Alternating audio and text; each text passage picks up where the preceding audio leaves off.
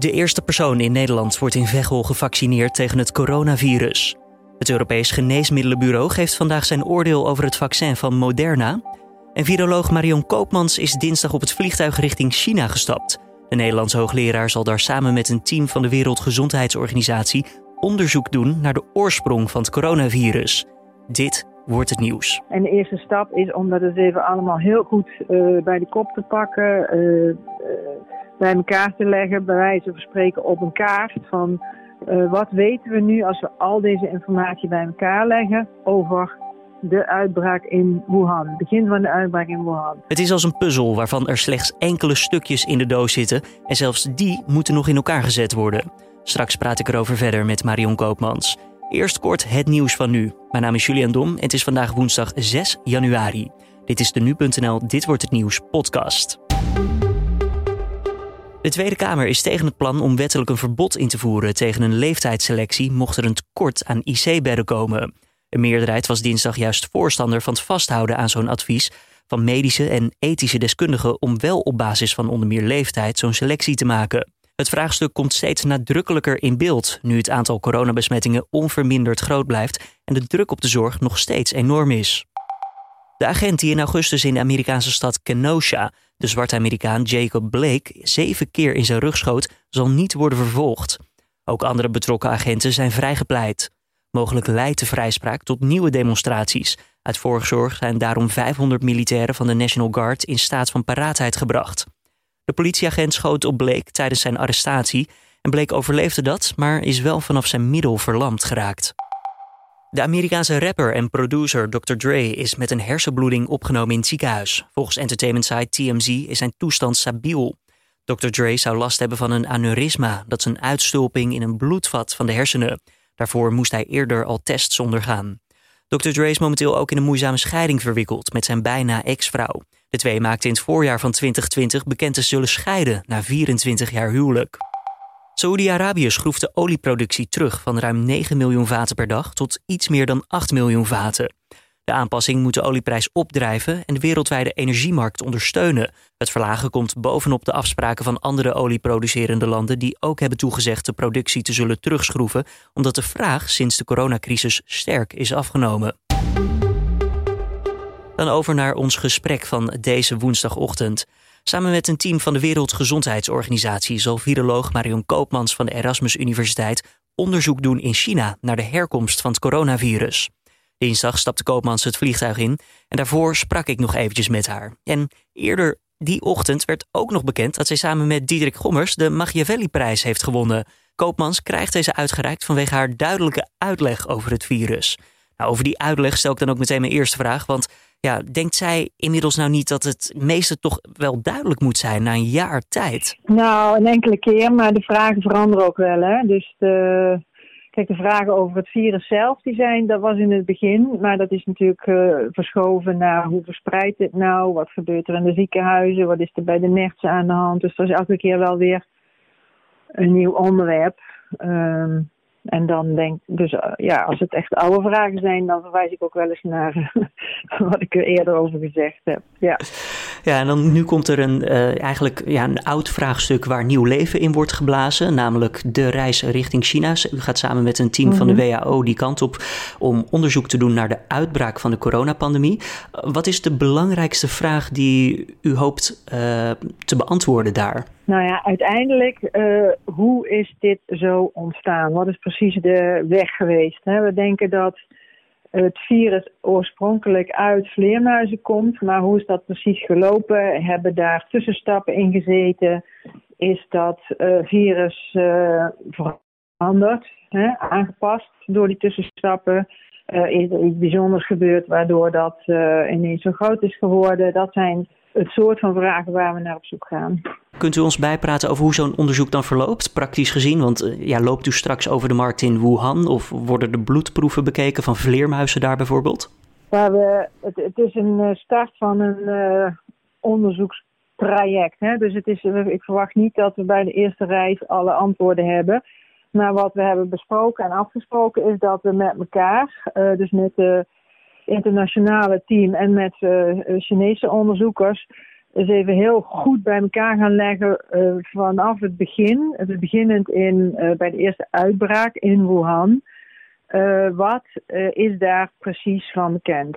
er zijn allerlei onderzoeken gestart. sommige groot, sommige klein.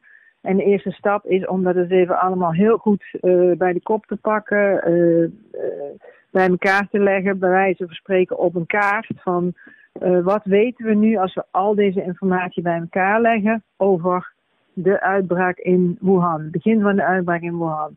En dan is daar het, het vervolgstap is ehm, uh, wat, wat zegt dat over die vragen, de, de oervraag die we dan hebben? Ja. Uh, daar zijn verschillende theorieën over te bedenken. Uh, is er al in die informatie een aanwijzing voor een of de ander of, of, of meerdere?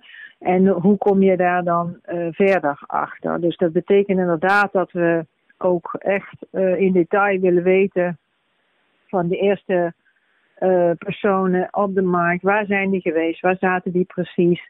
Er was uh, melding van wilde dieren. wat weten jullie daarvan? Waar kwamen die vandaan? Hoeveel waren dat er? Waar zaten die ten opzichte van die mensen die op die markt zaten?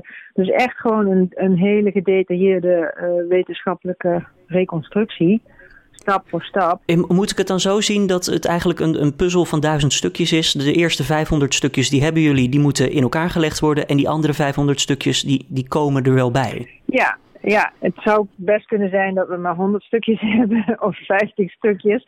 Maar ja, dat is inderdaad het, uh, het idee. En je, uh, dus door uh, met, met echt vanuit verschillende invalshoeken te kijken naar wat, wat weet je nu wel. Ehm, uh, ja, proberen toch ja, beter te begrijpen wat er nou precies gebeurd is. En dan daar vandaan stappen terug te zetten.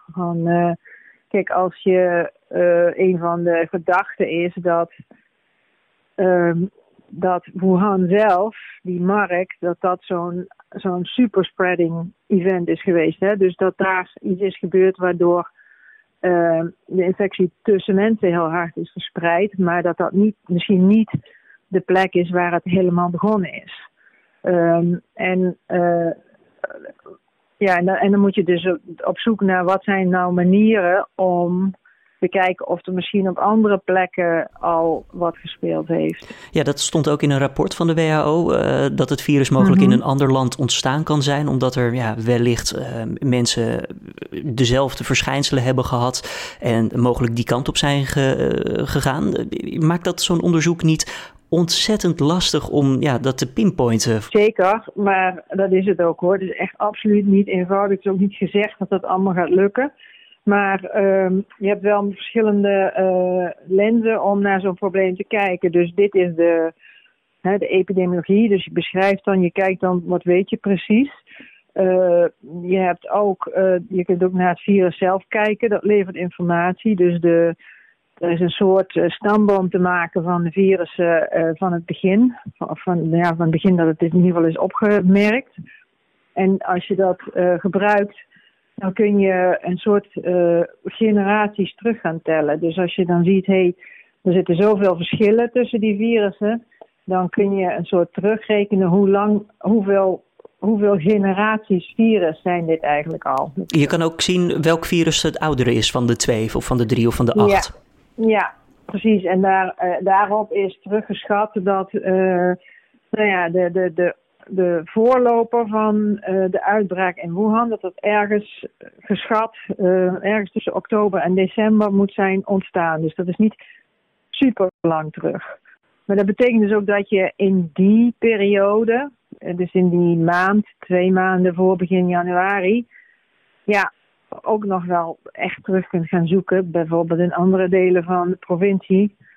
Uh, of uh, door te kijken van wie kwamen er allemaal op die markt, waar komen die mensen vandaan uh, en, en in die gebieden.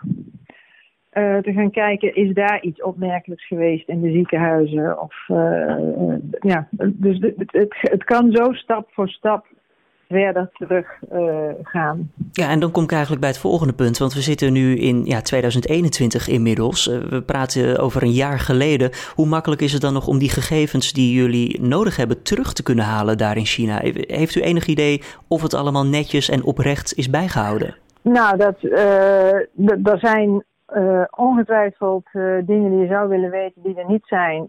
En, maar er zijn zeker ook uh, zaken die er wel zijn. Kijk, voor, voor zo'n vraag van is er in die uh, paar maanden daarvoor al hier of daar sprake geweest van ongewone ziekte, kun je naar registraties van ziekenhuizen kijken bijvoorbeeld. Die worden over het algemeen wel bewaard. Er worden um, longfoto's of scans die worden opgeslagen. Daar kun je naar kijken. Daar kunnen inmiddels met wat we nu weten van, uh, vanuit het onderzoek aan de pandemie, kun je ook op basis van longfoto's al uh, soorten longontsteking van elkaar scheiden en zeggen van hé, hey, maar dit is er wel eentje die past wel erg bij COVID.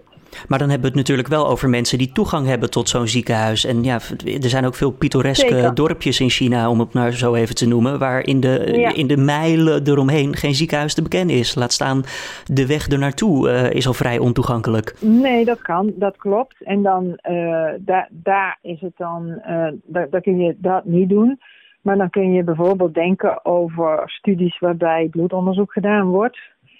Uh, dat gebeurt voor allerlei doelen. Uh, en uh, dat wordt zo her en der ook, ook bewaard. daar kun je ook naar terug. Um, dus ja, dus het is inderdaad kijken van als je vraag is, is het ergens in een dorpje achteraf gebeurd? Wat heb je aan mogelijkheden om die vraag te beantwoorden? En dan kijk je wat is daar mogelijk en uh, als, nou, dat, dat wordt dan, uh, dat wordt dan uh, uitgezet als deel van het projectplan. Nou staat de Chinese overheid natuurlijk niet altijd even bekend als open en gastvrij. verwacht u wel mm -hmm. dat ja, u alle hulp krijgt die u ook daadwerkelijk nodig heeft daar? Dat de medewerking wordt verleend aan u en het WHO-team? Um, ja, dat zal een stappenplan zijn. Um, dat, dat, dat gaan we zien. Kijk, ik, ik, uh, ik hoor natuurlijk ook, er wordt veel over gespeculeerd, maar dat, daar blijft het een beetje bij weg. Um, we gaan gewoon proberen zoveel mogelijk te weten te komen. Dat is ook de opdracht aan de Chinese onderzoekers. Uh, het is een vraag, uh, ook zelfs een, een, een, opdracht van de World Health Assembly. Hè? Dus dat zijn de landen die samen de WHO vormen. Uh, dus ja, ik verwacht wel dat China daar ook wel aan gaat meewerken. Ja, wanneer denkt u de eerste resultaten te kunnen delen als u een grove schatting zou moeten maken? Nou ja, ik verwacht dat aan het eind van de eerste bezoek uh, dat daar wel iets over op, op, op een rij gezet zal worden, neem ik aan. Um, dus uh, ja, zoiets. Een, een, rapportage na, na de eerste bezoek van wat, heb, wat weten jullie nu? Uh, dat verwacht ik wel. Uh, maar het is wel belangrijk inderdaad om, om te beseffen dat dit een, een lang proces kan zijn. Want uh, zeker, kijk, het op een rij zetten van wat er eigenlijk allemaal al is en, en, en wat zeg je dat? Dat kan denk ik relatief snel. Maar die vervolgvragen, ja, dat heeft natuurlijk allemaal tijd nodig. Maar dit kan wel helpen bij een pot potentiële oplossing, lijkt me ook, toch? Van hoe pakken we misschien komende virussen beter aan? Uh, we kunnen hiervan leren als de hele wereld, neem ik aan. Ja, dat, dat is precies de, de reden waarom ik het ook belangrijk vind. Ik ben uh, met uh, andere wetenschappers in Europa ook begonnen met een Europees project waarin we zeggen van kunnen we niet richting meer, meer richting voorspellen gaan werken. En daar is uh, ja, het begrijpen wat gebeurt er nou in die vroege stappen. En, en heb je uh, bepaalde veranderingen nodig aan zo'n virus. Dat, dat, dat is wel echt informatie die ons daarbij helpt. Viroloog Marion Koopmans was dat van de Erasmus Universiteit in Rotterdam. Dan nog eventjes de nieuwsagenda voor deze woensdag. Zorgmedewerkers van verpleeghuizen worden vanaf deze ochtend in Veghel gevaccineerd. En dat gebeurt twee dagen eerder dan gepland. Nederland is daarmee wel het laatste EU-land dat is begonnen met vaccineren. Nou, de eerste prik die wordt gezet bij de 39-jarige verpleeghuismedewerker Sanna El Kadiri. Het Europees Geneesmiddelenbureau geeft vandaag zijn oordeel over het vaccin van Moderna. Moderna heeft samen met Pfizer op 1 december officieel een aanvraag gedaan bij de EMA tot markttoelating. Bij een positief oordeel van de EMA wil Moderna in het eerste kwartaal van 2021 ongeveer 400.000 doses van het vaccin aan Nederland leveren. Het Amerikaanse parlement stelt formeel de uitslag vast van de presidentsverkiezingen van november. Dit neemt normaal gesproken niet meer dan een half uur in beslag, maar er wordt nu rekening gehouden met vertraging omdat de Amerikaanse president Donald Trump zonder bewijs vasthoudt dat in sommige staten er is gefraudeerd. De kans bestaat dan ook dat sommige parlementariërs daarom protest zullen aantekenen tegen die uitslagen. Dat weerbericht, daarover vertelt Alfred Snoek van Weerplaza je alles wat je voor de vandaag moet weten. Vandaag begint de dag op de meeste plaatsen bewolkt, maar zo goed als droog. In de loop van de middag en vooral vanavond valt er in de oost- en noordoostelijke helft van Nederland regen en natte sneeuw.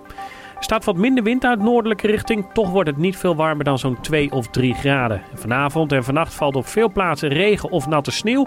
In het oosten van Nederland kan die sneeuw tijdelijk blijven liggen. Dankjewel Alfred Snoek van Weerplaza.